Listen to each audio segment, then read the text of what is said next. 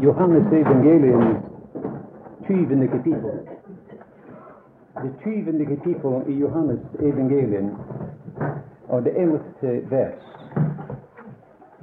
I det tiende vers disiplene gikk da hjem igjen.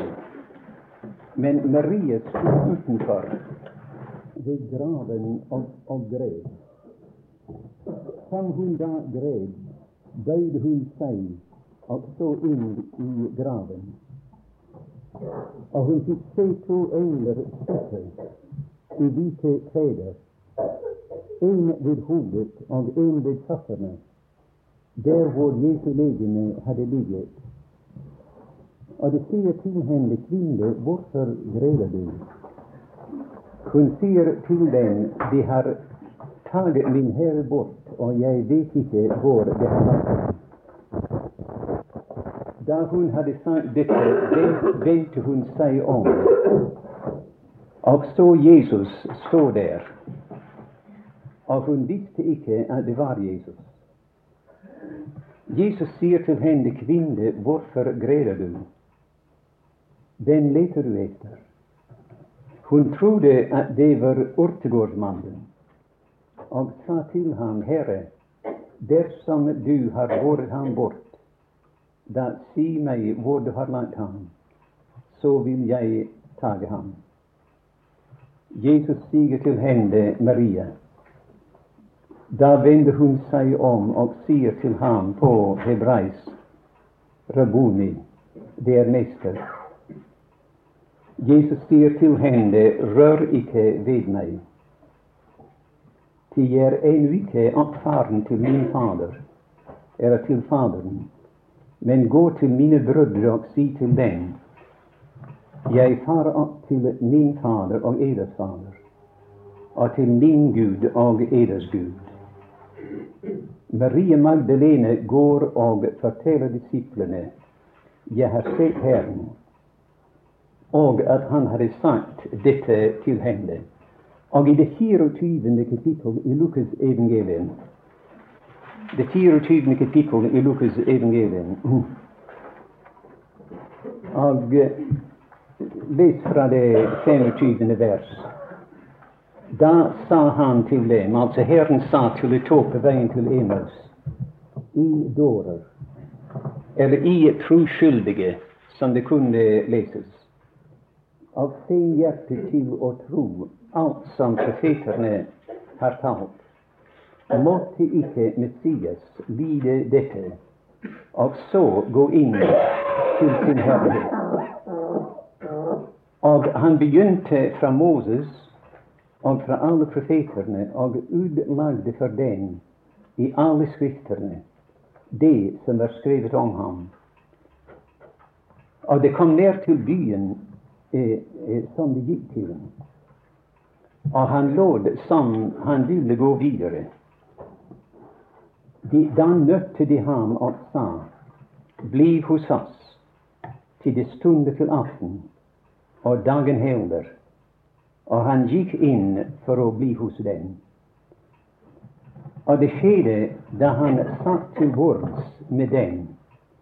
Da tok han brødet og velsignet dem og brøt det og gav dem.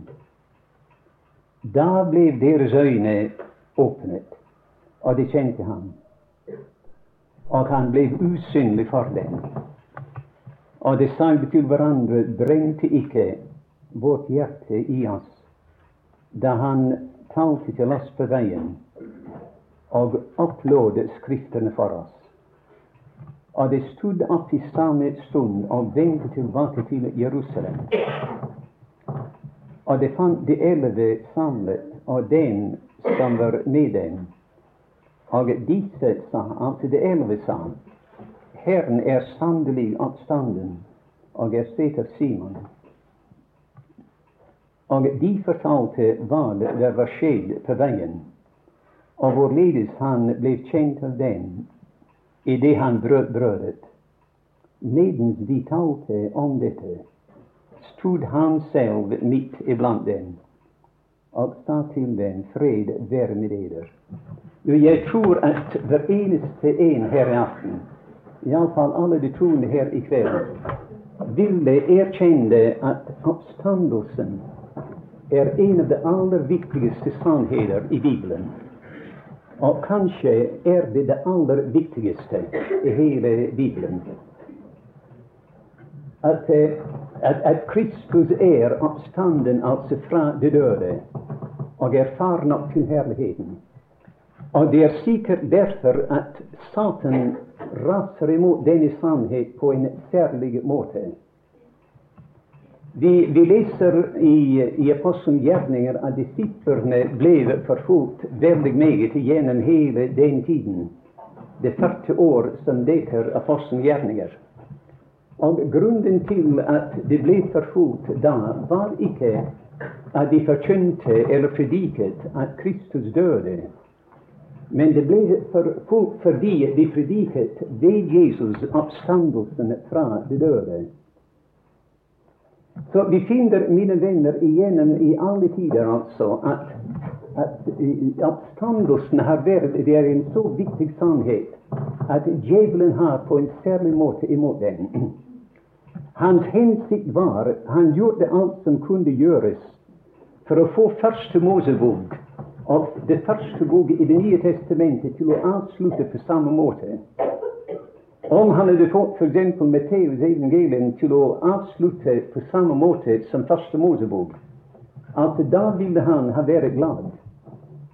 Vi leser nemlig i første Mosebok om en, den unge mann, en av de mest, et av de mest slående bilder av Kristus som vi har i Bibelen, nemlig Josef. Og Vi leser at han ble kastet i fengselet i Egypten. Og han kom mellom to røvere, iallfall to forbrytere. Og Den ene av dem ble frelst, og den andre ble hengt. Men da leser vi at Josef gikk fra dette fengselet opp til tronen. Og han ble liksom far over hele Egyptens land. Og det ordnet, da gav farao Josef et nytt navn. Og han kalte hans navn Zofnat Panea. Og i den norske bibel er det en liten randbemerkning der at Zofnat Panea betyr verdens frelser. Og han var den gangen datidens verdens frelser. Det var antagelig millioner som skjulte sitt liv til Josef. Han reddet dem fra hungersdøden. Men da leser vi at verdens frelser døde. Og at de balsamerte ham, og de la ham i en midtkiste i Egyptens land. Og det er det siste vers i Første Mosebok. Altså Første Mosebok slutter med en midtkiste. Og verdens frelser lå i, dette, i den midtkisten. Men i det, den første boka i Det nye testamentet, som vi vet, etter Jesus var død, og de tok ham med fra korset, og de la ham i graven, da gikk ypperste prestene til Pilatus og sa at vi erindrer at denne forfører, som de kalte ham, sa at om tre dager skal jeg oppstå igjen.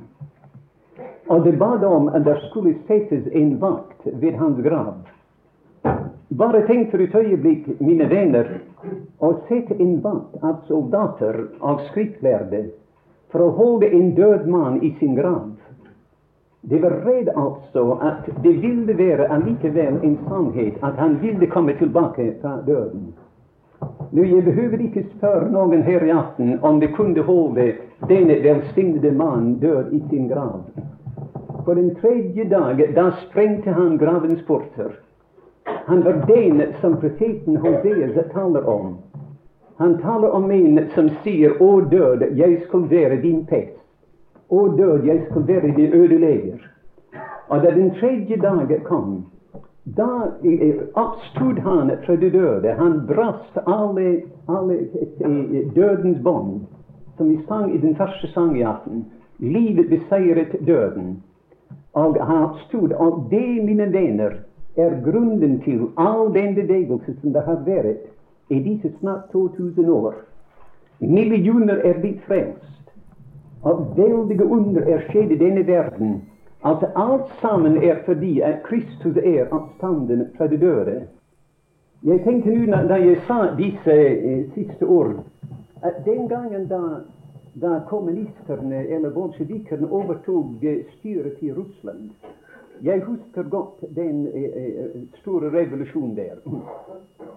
Og da de overtok makten der, da det var om å gjøre for dem å vedlikeholde det.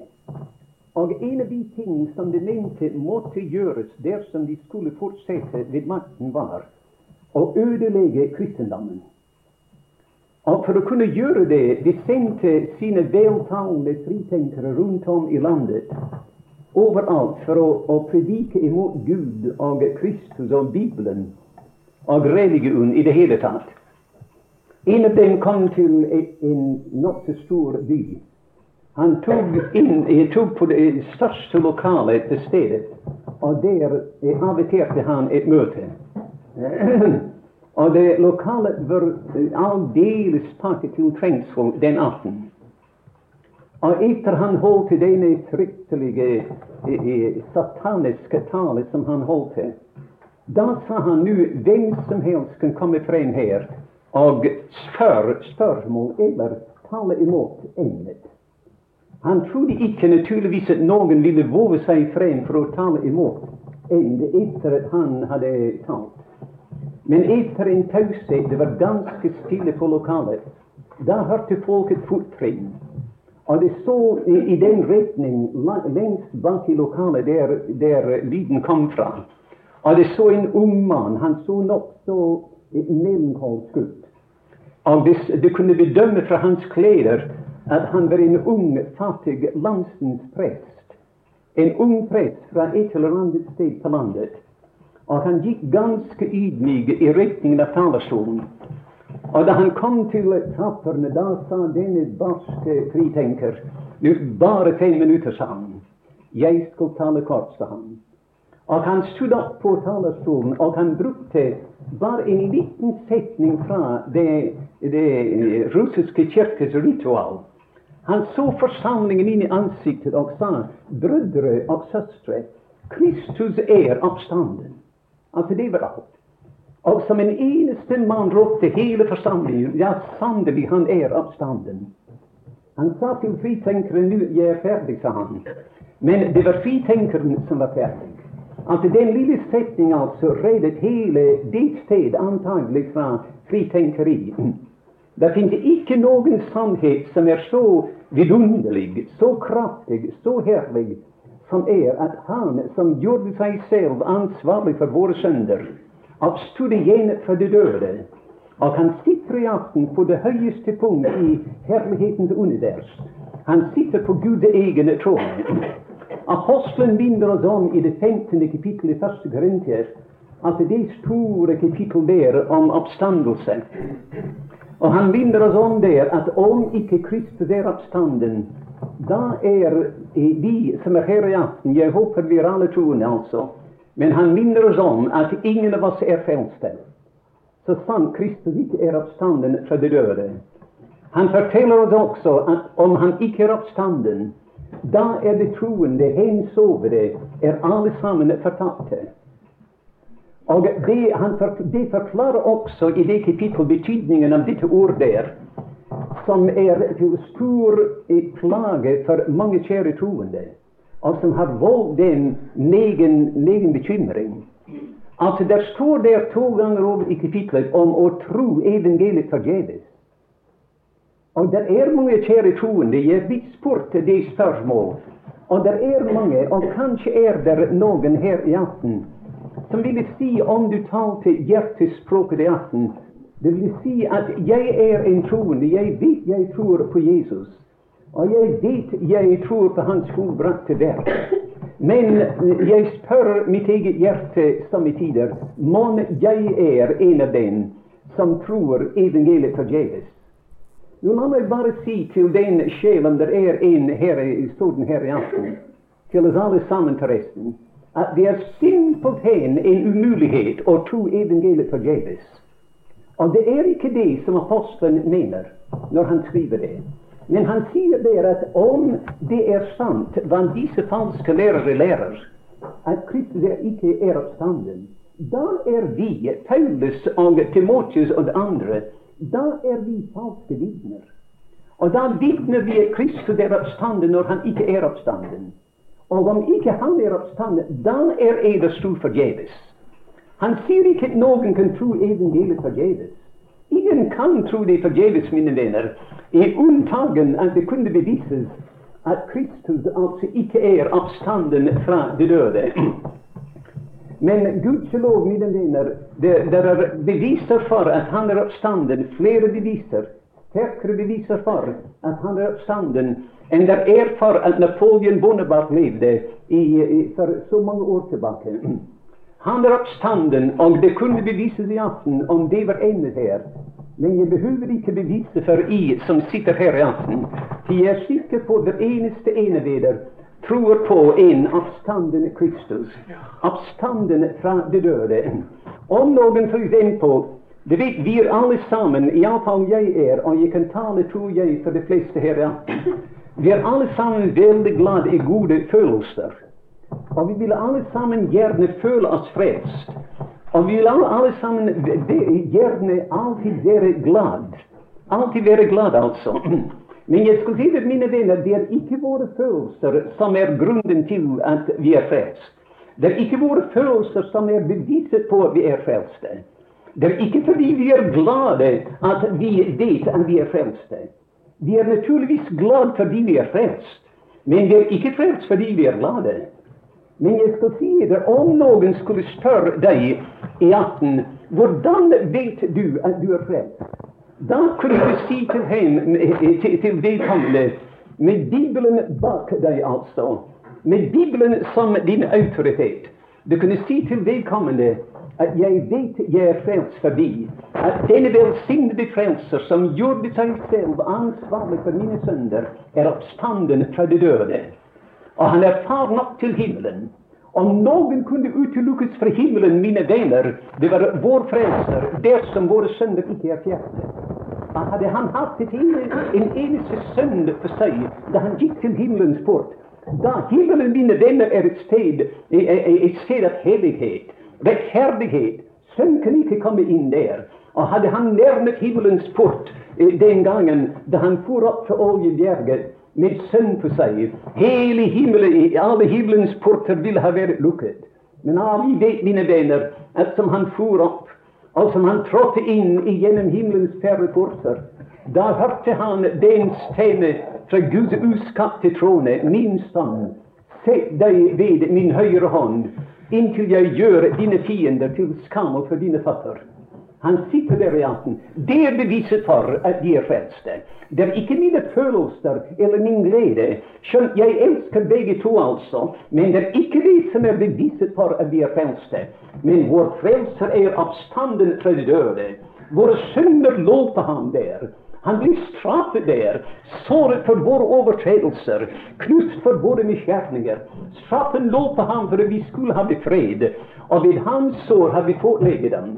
Og jeg, la meg si i forbigående, mine venner, at grunnen til at så mange kjære troende mangler stadig nydelsen av fred, er fordi de har aldri sett en oppstanden Kristus. Jeg sier til dem i Norge, og sa til dem på Færøyene da jeg var der, at de vitner, og vitner herlig også, og forteller hvor, hvor vidunderlig det var at Kristus fullbrakte verket for dem på korset. Men det er ganske få av dem som kommer lenger. Er, jeg har sjelden hørt noen si Å, hvor vidunderlig er det ikke at min frelser er oppstanden fra de døde. Og det er derfor at den ene dag er de glad, og en annen dag er de det motsatte. Den ene dag nyter de fred når de taler om Jesu død, og neste dag de, de mangler denne nydelsen og denne glede. Denne kjente Guds mann som jeg kjenner til antagelig her i Danmark, i hans bøker iallfall er oversatt til dansk, som heter Macintosh. Han skrev over de fem Mosebøker. Og den tiden han levde, tidlige 1800 i England, da de betalte skatten sin der Det var en skatteoppkrever som kom omkring og forlangte skatten. Denne skatteoppkrever til min til Mr. Macintosh. Og han betalte sin skatt og fikk kvitteringen tilbake. Og som han fikk, fikk kvitteringen tilbake, sa han, det er velsignet, sa han, ikke å skylde noe menneske noe. Ja, sa skatteoppkreveren, men det er ikke mange som kan si det. Ja, men jeg kan si mer enn det, sa Macintosh. Jeg kan si jeg ikke skylder verken Gud eller mennesket noe. Ja, det var veldig mer å kunne si. Men jeg kan si samme ting, sa han. Jeg er en troende, jeg er frelst. Og det gleder meg, samme Macintosh, å høre du er frelst. Men si meg, jeg betalte skatten min nå og fikk kvittering tilbake. Eh, om din gjeld er betalt overfor Gud, hvor er kvitteringen for at gjelden er betalt? Jo, Kristus døde for meg. Jo, da han døde for deg, sa han, da betalte han gjelden din. Men hvor er kvitteringen for at gjelden er betalt? Jo, jeg har den indre overbevisning, sa han, og han la hånden sin på hjertet. Den indre overbevisning er gjelden er betalt. Ja, sa Macintosh, men ville det være gyldig i en rettssal om jeg ble krevet om igjen for skatten, og jeg sa til dommeren jeg hadde en indre overbevisning at gjerne er betalt? Nei, sa han. Han sa du må hjelpe meg, sa han. Jo, jeg skal hjelpe deg, sa han. Og han siterte det vers som jeg tenkte på. Altså, han er given for våre overtredelser. Altså, der betalte han vår gjeld. Og ga pris til vår rettferdiggjørelse. Der er kvitteringen for at gjelden er betalt. Om ikke gjelden mine venner var betalt, om ikke hver eneste synd som han var, var for, om ikke loven var tilfredsstilt, og Guds krav alle sammen oppfylte Han ville ha vært som den første verdens frelser. Han ville ha vært i graven den dag i dag. Men så snart, mine venner, som dette herlige verset der, et vers som vi ikke leser nok Han ble given for våre overtredelser og har pris til vår rettferdiggjørelse. Da for første gang i romerbrevet åpner vi vår munn. Opp til den tiden har vi en lukket munn, som vi leser i det tredje kapittel. Men når han sier det, og vi ser en oppstanden Kristus Oppstanden fra de døde, han som bar våre sønder der på korset på sitt legeme på treet. Nå er han oppstanden. Da synger vi. Den første sang som vi synger, just som Israels første sang på den andre siden av Det røde hav. Og der synger vi da vi nå altså er rettferdiggjorde av troen, har vi fred med Gud ved vår Herre Jesus Kristus. Når fikk vi fred, mine venner, når vi ser den oppstanden Kristus? Nå vet vi at alt sammen er ordnet. Gud er tilfreds. Mine sønner er borte, min død er borte, min dom er borte, og alt sammen er ordnet. Min frelser er oppstanden fra de døde, og da synger vi. Da vi nå altså er rettferdiggjort av troen, har vi fred med Gud ved vår Herre Jesus Kristus. Nå, det jeg tenkte da jeg begynte i aften, var var at å, å, si noen ord angående de gjerninger, den tjeneste som den Herre Jesus gjorde på sin oppstandelsesdager her nede. Og la meg si at, at de tjenester som han gjorde i de 40 dager han var her nede, er en mønster av den tjeneste som han gjør fra tronen i dag. Det, la meg si også at uh, kanskje er det en vanskelighet for en del av de yngre her i aften at ingen av de fire evangelier avslutter på samme måte. Om, du, om vi ikke hadde et annet evangelium enn bare Matteus, og vi leste der til vi kom til det siste kapittel og det siste vers, da ville vi eh, eh, si naturligvis er Jesus fremdeles på jorden her. Til her står der at se, jeg er med eder alle dager, ja, inntil verdens ende. Og vi ville tro han vandrer på jorden fremdeles. Om vi bare hadde Lukas evangelium, som jeg leste en del fra i aften, det siste kapittel, og vi leste det siste kapittel der, da ville vi si den Herre Jesus var bare på jorden én dag, og ikke 40 dager. Til han begynte sin vandring fra den åpne og den tomme grav og det tomme kors eh, på formiddagen eh, på oppstandelsens dag.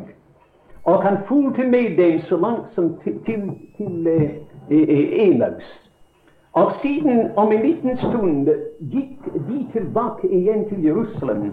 Og det traff ham der i Jerusalem, den samme natten altså. Og om morgenen førte han dem ut så langt som til Betania.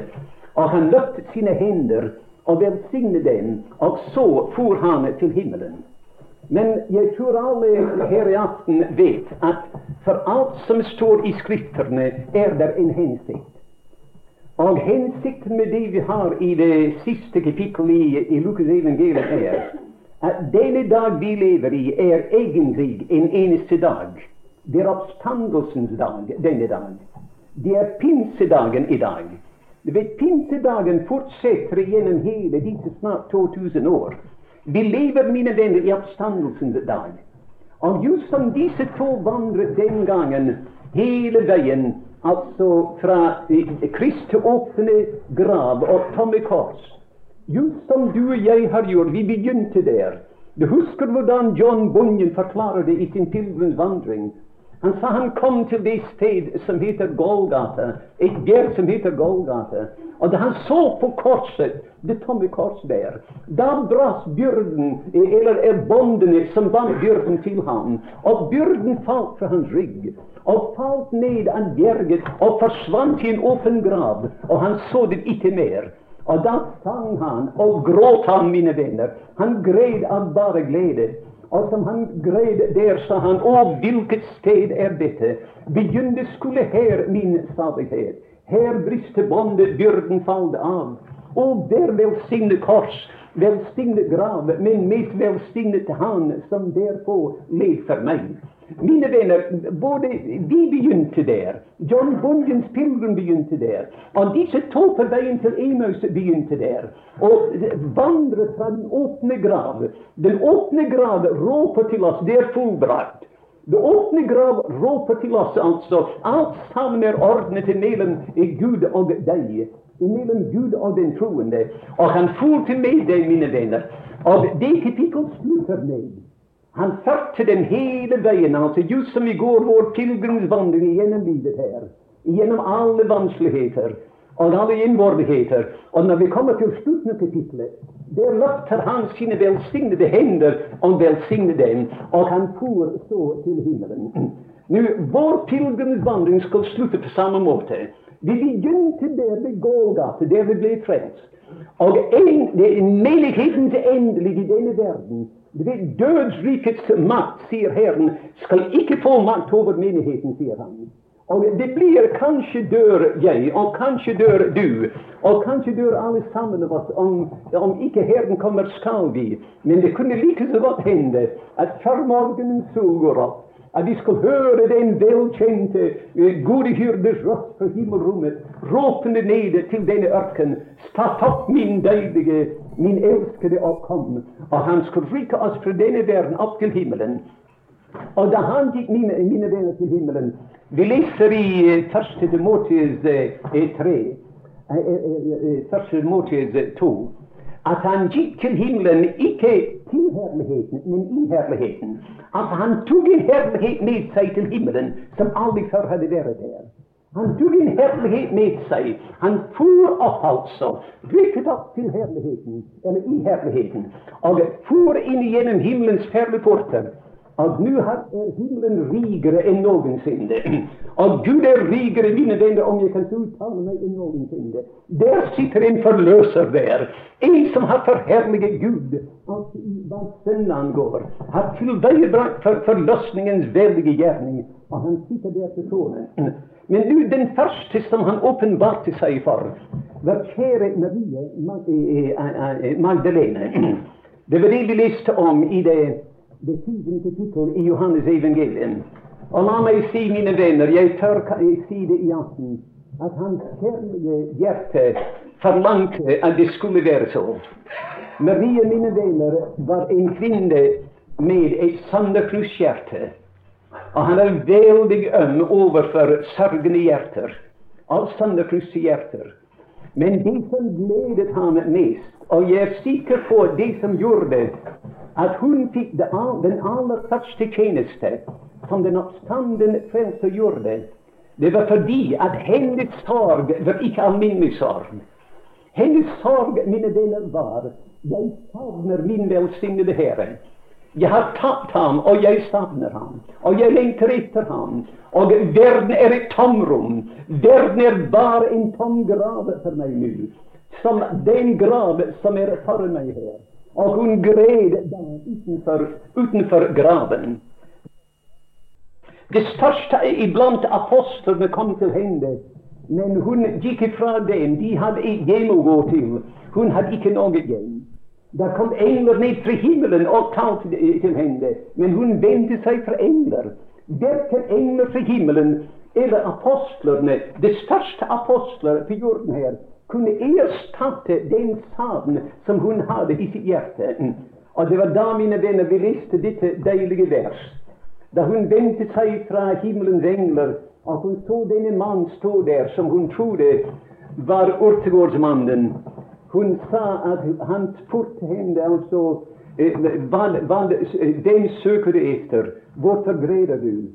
Hun sa til ham, hun sa ikke 'det er denne Jesus fra Nazaret som jeg søker etter'. Hun forstod, mine venner, at alle måtte forstå hvem det var hun søkte etter. Det var ingen andre i denne verden og hun sa bare til ham at om du har tatt ham bort, si meg hvor du har lagt ham, og så vil jeg ta ham. Og han som kjente sine navn, sa til henne, og kalte dem også, han sa Marie. Uh, det var nok. Og nå den kvinne, mine venner, som var så full av sorg som noe menneske i denne verden kunne være det ene øyeblikk, hun var det gladeste kvinne det neste øyeblikk. Og det var ikke forklaringer som gjorde det. Det var ikke en, en, en å, å, lese eller gude eller forskrifter eller noe slikt som tilveiebrakte det. Men det var en åpenbarelse av Kristus. Vi burde leve, mine venner, for åpenbarelser av Kristus. Hver gang vi ser ham, altså vi tror, forsvinner en sorg eller en fiende. Du skal finne i disse to kapitler der, de to siste kapitler, at der var, der var tre, det var fire fiender. Og hver eneste fiende forsvant da han åpenbarte seg. Her var det en som heter sorg. Og så snart han åpenbarte seg for henne, da forsvant sorgen. I den neste delen av kapittelet det var, det var frykt der.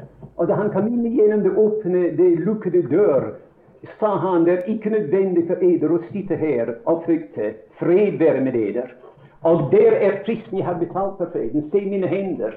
Der ute på slagmarken ligger hver eneste Goliat halshugget. Hver eneste en av dem er tilintetgjort.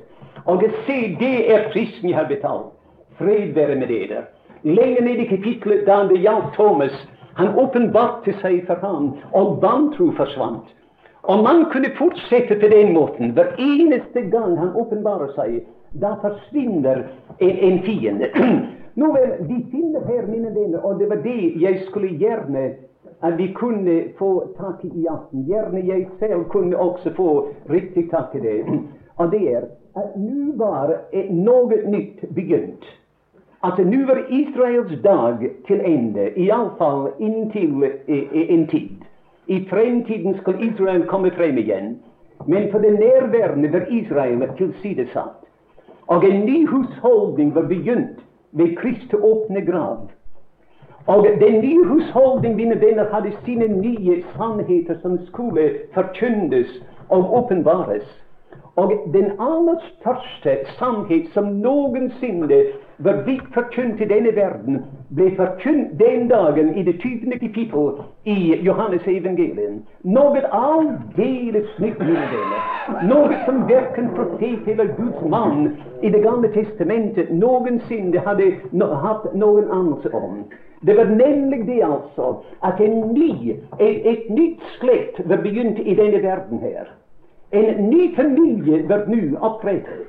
Noe annet Altså, da Maria så Herren, og det, han ble åpenbart for henne, det var ganske naturlig at den første ting hun ville gjøre, var Hun tenkte antagelig i sitt hjerte Herre, jeg har, jeg har tatt deg én gang, men jeg vil ikke risikere å tappe deg en gang til. Og hun ville klynge seg fast til ham. Til det er betydningen av ordet der. Altså, rør ikke ved meg. Eh, ved meg. Altså, ordet betyr klyng ikke deg fast til meg. Altså, hun tenkte akkurat som, som bruden i høystangen tenkte. At om jeg finner ham, skal jeg eh, holde meg til ham. Jeg skal holde ham fast. Han skal ikke komme fra meg igjen. Jeg skal ikke risikere det. Men Herren sa til henne, nei, Marie, kling ikke deg fast til meg. De sier han nå aldeles nytt er kommet inn. Din tanke er å holde meg her nede som du har hatt meg i disse år du har vandret sammen med meg. Din mening er å holde meg her fremdeles på den gamle måte. Marie, det er noe aldeles ditt nå kommet inn. Jeg far opp til min Fader og til eders Fader, og til min Gud og til eders Gud, og gå til mine brødre og forkynne for dem dette, denne sannhet, det herligste og mest vidunderlige sannhet som noensinne opp til da altså var blitt forkynt. Jeg far opp til min Fader, og han er også eders Fader. Til min Gud, og han er også eders Gud. Og det er mitt hjem, og det er eders hjem. Istedenfor at du skal ha meg her nede, jeg skal ha deg der oppe. Og alt sammen altså er, er forandret nå. Verden har lukket av sine dører imot meg. Verden vil ikke ha meg, de kjenner meg ikke. Israel har forkastet meg. Det hele er ferdig nå. Men Gud har åpnet sin verden, sin verden av herlighet. Og der er det plass for både eh, eh, meg og for eder. Og han sier nå, gå nå og fortelle mine brødre det. Hun vil vitne mine venner til Først, den første ting var at Kristus er oppstanden. Bare tenk for et øyeblikk, mine venn. Vi har en sang i Norge som vi synger nokså meget. Å salige stund uten like. Han lever, han lever ennå. Og det er en del av verset som sier Jeg så ham i haven, og aldri så skjønn jeg ham så. Jeg elsker denne sangen. Til mine venner, vi har sett ham gå igjennom de fire evangelier. Vi har sett tårene trille ned fra hans velsignede øyne. Vi har sett ham og kastet ham blitt hånet og spottet og foraktet. Vi har sett ham liggende der i Getsemane, svedende som om det var store bloddråper, og naglet da fast til et kors. Foraktet var det der. Og da mørket vek bort den gangen, og lyset skinte klart igjen etter mørket de siste tre timer. Da for folket opp i forferdelse. Og det sa se, se, hva er det? Han ligner jo ikke et menneske. Så rett er han det utseende. Vi har sett ham, mine venner, i alle disse tilstander av skikkelser. Men å, å se ham i haven, og høre ham tale som han steg ut av den graven, og han talte disse ord til denne kjære kvinne. En kvinne, mine venner, vi ser som i tider at hun var uvitende, og det er sant. Vi vet meget mer enn hun visste den gangen. De kanskje har meget å si imot henne, men mine venner, det var én ting hun hadde. Gud givet jeg hadde det. Gud givet alle sammen som er her i aften, som er troende, hadde det. Og det var et hjerte med ikke rom for noen andre enn Kristus hengivenhet som brente i hennes hjerte, som gjorde at fordi hun ikke hadde ham, da var verden bare et tomrom, som en stor og tom grav. Nå vel, hun var den som bebudet hans oppstandelse, og som bebudet det for disiplene. Det var ikke Peter eller Johannes, men det var Marie Magdalene. Og hun fikk denne forrett til å forkynne denne herligste av alle sannheter ikke på grunn av, sin begavelse, ikke på grunn av sin visdom og, og, og, og slik, men av at hennes hjerte var full av Kristus. Jeg skal si det, mine venner, det er ikke de store, begavede hoder som Herren søker etter, men det er hjerter som savner ham. Det er hjerter som ikke skal bli tilfreds med noen annen eller med noe annet enn bare Guds elskede sønn. Nå vel, Det er i korthet det som vi finner i det, i det tydelige tittelen. Den første ting vi lærer altså, er at en ny, noe aldeles nytt er kommet inn. At en ny husholdning er begynt. At Israel nå er tilsidesatt for nærværende. Og et nytt slekt er begynt i denne verden. At Kristi plass og hans forhold til Faderen og slektskap til Faderen er det samme som vår slektskap til Faderen. Min Fader og eders Fader. Min Gud og eders Gud. Og vi kan se, mine venner, opp til himmelen fra denne stakkars arme verden her. Å, den sorg som det er i verden i dag. i øst og i vest, i nord og i syd, i Afrika og Kina og overalt, altså. Når vi tenker det er merkelig ikke våre hjerter brister simpelthen, at ikke vi liker og beder mer og mer for disse arme sjeler. Men mine venner, det er en verden der det ikke er krig. Det er en verden der det ikke er sorg.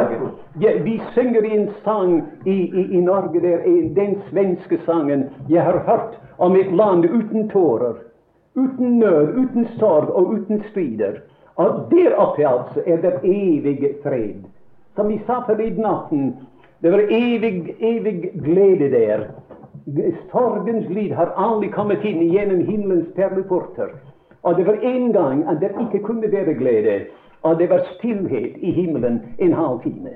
Nå, I det 24. kapittel i, uh, i Lukas evangelium der får vi den anden, en anden av disse eh, sannheter som blir brakt for dagen, og det for første gangen. Altså Johannes la meg si, taler alltid om Guds familie. Paulus taler alltid om Guds menighet. Det var han den, altså. Mens eh, Johannes taler om at vi er Guds børn. Se hvor stor kjærlighet Faderen har bevist oss, at vi skulle kalles Guds børn. Nå, når vi kommer til det 24. kapittel i Lukas, det er en annen side av sannheten som den oppstanden Kristus taler her. Han fant disse to kjære på veien til Emaus. Og disse troende, mine venner, Maria var en sørgende troende. Peter var en, en bestudlet troende. Han syndet mot sin Herre. Disse to, mine venner, det var skuffede troende. Og veien til Emaus, gresset vokser aldri på den veien. Det er så trampet og tråkket ned av, av skuffede troende at gresset får aldri lov til å, å vokse der. Og de gikk der. Og det er ganske merkelig, jeg har tenkt hundrevis av ganger over det, at det ting som burde ha fylt deres hjerter med, med overbevisning at Jesus var Kristus, var nettopp de ting som fylte dem med vantro. De sa vi trodde. Vi trodde at det var han som skulle forløse Israel. Om de hadde gått, mine venner, til Golgata med den 22. salme og sett på ham og sett på salmen Om de hadde slått opp Isaias 53 og lest det ved siden av korset Å, det ville ha sagt det, det fyller våre hjerter med sorg at de har behandlet vår Herre og Frelser på den måten. Men å, vi er så glad, så glad. Nå har vi fått en, bevis for at han er Guds Messias. Til salmen taler om ham, de gjennomstungne hender og taffer. Og, og her leser vi i Isaias 53 at han blir ført som et lam til slakterbenken. De ting, mine venner, som, som fylte dem med vantro, var det ting som burde ha fylt dem med, med eh, overbevisning. Akkurat som det er i dag. Jeg kjenner det, mine venner. Jeg taler nå ved erfaring. Som en yngre troende. Jeg kan huske da disse uforklarlige noe til, i, i, mitt hjerte Altså disse Jeg hadde forestilt meg om bare jeg var frelst, da ville all være fred og glede og, og, og fred og, og, ikke noe annet. Men jeg oppdaget at det var krig der. Og det, det ene, det ene røst sa 'gjør det', og den andre røst sier 'nei, du skal ikke gjøre det'. Og jeg tenkte kan det være altså riktig sagt med meg? Disse ting, mine venner, når disse ting finner sted i våre hjerter, det beviser at det er to naturer der. Det er et av de uh, sterkeste beviser for at vi er troende. Den ene kriger mot den andre. Kjødet mot hånden og ånden mot kjødet. Og det kan aldri være enig. Vi er akkurat som disse to på veien til Emels. Men nå det er bare noen minutter tilbake. Og la meg si altså i korthet den lekse som Herren ville lære disse tre, eh, eller disse to. Og den samme lekse må læres. Eh, vi kan ikke altså vandre i andres tro. Vi må lære den akkurat som de lærte den. Altså, som jeg allerede har sagt, en ny husholdning skulle begynne. Det skulle være en ny bygning nå i denne verden. Den bygning som heter Kristi menighet. På denne klitt vil jeg bygge min menighet. Disse kjære troende her, altså, de har ingen anelse om menigheten. Og derfor måtte de undervises. De måtte få undervisning, så det kunne innta sin plass der i menigheten da det ble opprettet på pinsedagen. Og jeg skal si det, vi, vi, Når vi tenker på en menighet Sett f.eks. som jeg sa til troende mange ganger, eller en gang her i, i Haderslev iallfall, for mange år tilbake, at om vi skulle f.eks. på en bibellesning sa jeg det, at om vi skulle f.eks. om det skulle være en ny forsamling opprettet her nå Ifølge den alminnelige fremgangsmåte da ville det velges en bestyrelse, og det ville skrives en protokoll og, og uh, en hel masse uh, forskjellige ting. altså. Men, sa jeg, at, uh, og lover og statutter og slike ting. Men jeg sa se f.eks. vi holdt på med det nå i aften, og døren gikk opp. Og den Herre Jesus kom inn iblant oss og sto her.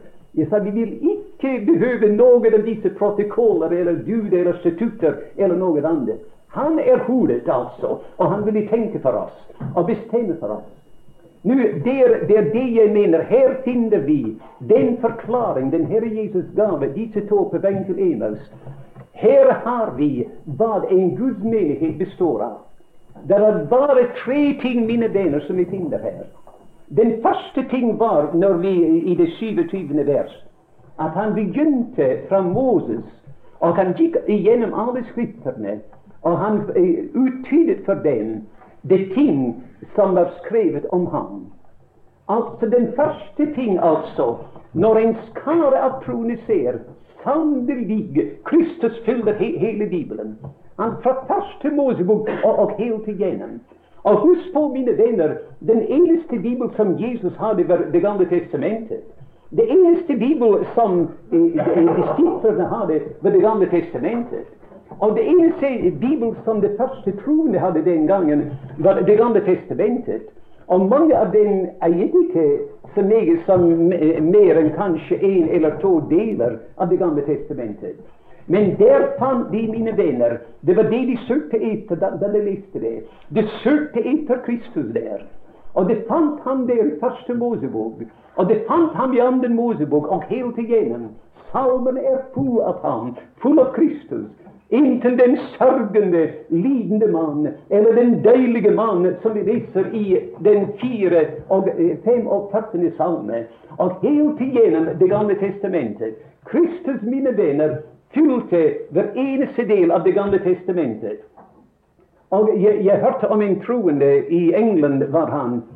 Og han sa en gang at jeg leste min bibel for 15 år, altså Det gamle testamentet, og aldri så Kristus der. Nå sier han, nå ser jeg bare Kristus. Og i disse deilige disse bilder som er der La meg si nå at jeg hørte denne kjente predikant dr. Dixon. Det var han som prediket i Spurgeons tabernakel etter Spurgeons død, iallfall en tid etter det. Og han talte der i et stort telt. Og jeg husker bare noen få ting han sa. Det var i 1914. Men han fortalte den gangen om en, en venn som hadde en annen venn, som han besøkte somme tider. Da han kom der første gangen til sin venn, han beundret et stort maleri som var som et landskap som hang der i, uh, i stuen. Og han så på det og så på det. Den andre vennen sa ingenting til ham. Men endelig som han så nøyere på det bildet, da forsvant landskapet. Og et ansikt trådte frem, og det var Kristus ansikt. Altså, Kunstneren hadde malt bildet på en sånn måte at det var egentlig et Kristus ansikt. Men han malte det like som et, et, et, en landskap. Når vi går, mine venner, til disse Og la meg si, han så aldri landskapet igjen. Hver gang han så på det bildet, han så bare Jesu ansikt. Og la meg si, når vi går til disse Gamle testamentet-bilder, og vi leser der, vi ser f.eks. en fader som går der med en kniv i sin hånd og ild i sin hånd, og en sand, en enbåren sand som går med tungt tre, altså ved, hvilende på ham. Og det går stille der på veien til akkurat antagelig til det sted der Golgates kors ble oppreist. Og vi ser dem som det går på veien. Når vi sitter og ser det, mine venner, den Fader og den Sann. Og vi ser Sannen bundet der og glatt på alteret. Og vi ser kniven over hans, hans hjerte der. Og sier hjertet, det, det er Kristus. Det er vår Gud og Fader som fører sin sann og ofrer ham for oss der på Golgates kors. Og når vi går igjennom det kunne være påskelammet og det andre offeret og mange tusener av andre bilder der. Vi ser bare Kristus der. Det er den første ting, mine venner. En Guds forsamling. Det er ikke en hel masse bud og, og, og statutter og alle mulige ting. Det er Kristus. Kristus, altså, i hele Bibelen. Det var den første ting. Og den andre tingen var at da de kom til Emaus, og han lå det som om han ville gå videre, og de nødte ham til å gå inn. Du vet, Kristus, mine venner, trenger han, han, trenger seg ikke inn for noen av oss. Om vi er tilfreds med å, å tale med ham litt, og siden gå vår vei nå vel Han skal ikke trenge seg inn for noen av oss.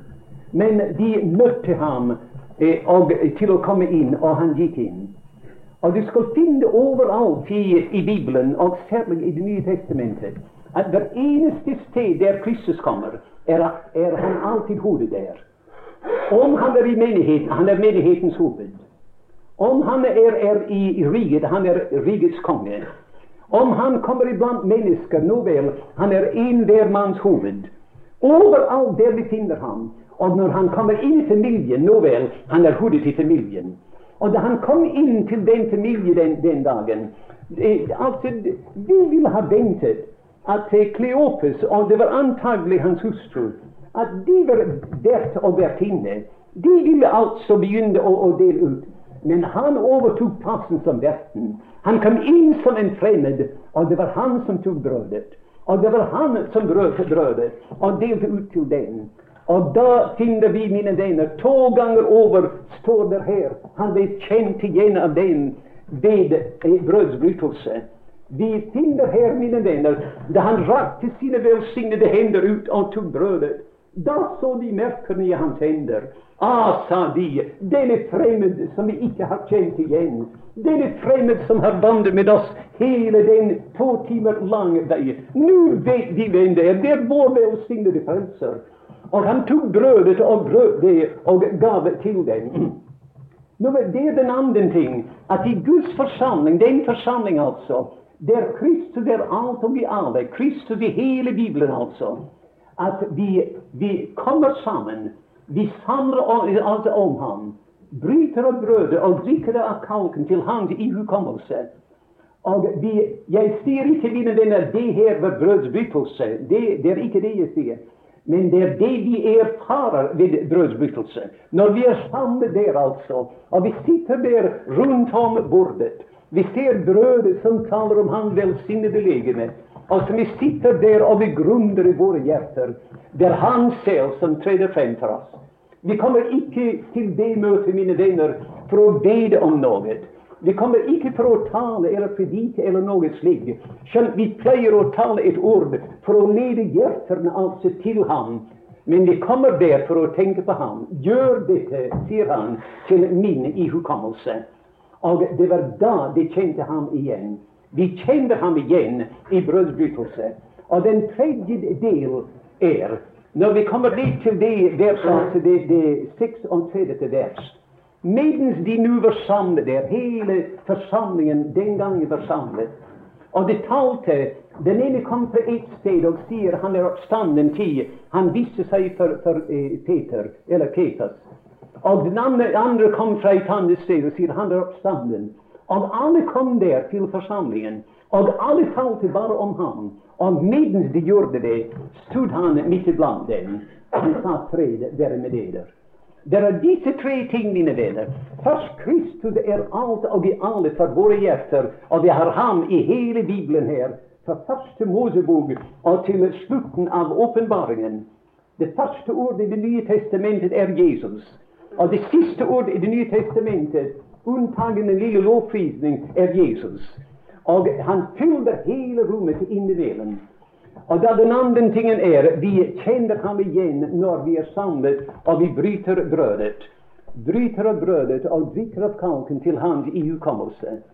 Og da den tredje tingen er at alltid der vi er samlet, det er to eller tre er som er blitt forsamlet i mitt navn, der er jeg midt iblant dem. Det, mine venner, er en Guds menighet. Vi behøver ikke altså alle disse eh, mange forskjellige ting som vi mener at vi må ha før vi kan være altså en Guds menighet. Alt som vi trenger, har vi her i Guds velsignede ord. Kristus, mine venner, er selv i hele Bibelen. Bare Kristus. At siden vi tenker på ham, ihukommer ham, kjenner ham igjen når vi er samlet. Og da den tredje tingen er at når vi er samlet, hva enten vi er mange eller vi er få, vi er samlet i Hans velsignede navn. Du vet, i Norge de sier der ofte de kjære troende der sier at uh, de takker Gud for dette løftet som Han har gitt dem. Og de taler om det løftet at det er to eller tre er samlet i mitt navn. Og da tilføyer de noe som ikke står i verset. Da skal jeg komme og være midt iblant dere. Men det er ikke et løfte, mine venner. Det er en kjennegjerning, en selvfølge. Altså, er to eller tre er blitt forsamlet i mitt navn. Der er jeg. Jeg er iblant, midt iblant dem. Jeg kommer ikke. Han er der. Der er jeg midt iblant dem. Nå, det ville ha vært, mine venner, om det hadde vært altså to timer å tale istedenfor én. Å gå gjennom dette deilige kapittelet her, det 24. kapittelet i Lukas, og følge det igjennom alle våre gjenvordigheter på veien. Til det representerer vår gang fra den åpne eh, eh, grav og den tomme grav og det tomme kors. Hele veien, altså. Gjennom gjenvordigheter, gjennom velsignelser. Og hele veien igjennom inntil den dagen når også vi skal gå den veien som han gikk. Opptagen, ikke til herligheten, men opptagen i herlighet. Han, han, tok en herlighet, som jeg sa, med til himmelen, som aldri hadde vært der. Og om du ønsker å se den herligheten, mine venner, les det første tre vers i Hebreerens første kapittel. Og du skal se disse herligheter som, som drøyer seg om han velsignede personen. Han er den siste av alle som taler fra Gud. Han er arving over alle ting. Han er den som har gjort alle ting. Han er avglansen av Guds herlighet og avbildet av hans vesen. Han oppholder, oppholder alle ting ved sin kraftsord. Og da gjorde han renselse for våre sønner, og han satte seg på tronen. Steg fra Golgates kors, liksom, og satte seg på tronen. Vi har ofte bemerket at i det verset der der står ingenting om de tre dager i graven. Og det står ingenting om de 40 dager på jorden. Men han gjorde renselse for våre sønner, og han satte seg der på tronen. Majestetens høyre hånd i det høye. La meg si i det jeg setter meg, at i Salomos tempel at Kofferalteret var 20 alen langt og 20 alen bredt. Alteret altså, som vi vet taler der offeret blir ofret. Det taler om Golgata. Og det aller helligste i tempelet var 20 alen langt og 20 alen bredt. Så at, at alteret var like stort som, som det aller helligste. Alteret taler om Golgata. Det aller helligste med Guds trone, det taler om, om majestetens trone i det høye. Korset, mine venner, er like vidunderlig som tronen er. Evigheten som var, så fremover til korset. Evigheten som kommer, skal se tilbake til korset. Evigheten som var, hadde bare korset som, som en fortid, en fremtid. Og evigheten som kommer, skal bare ha korset som en fortid. Det står der i midten av evigheten. Gud hjelper oss, mine venner, til å stå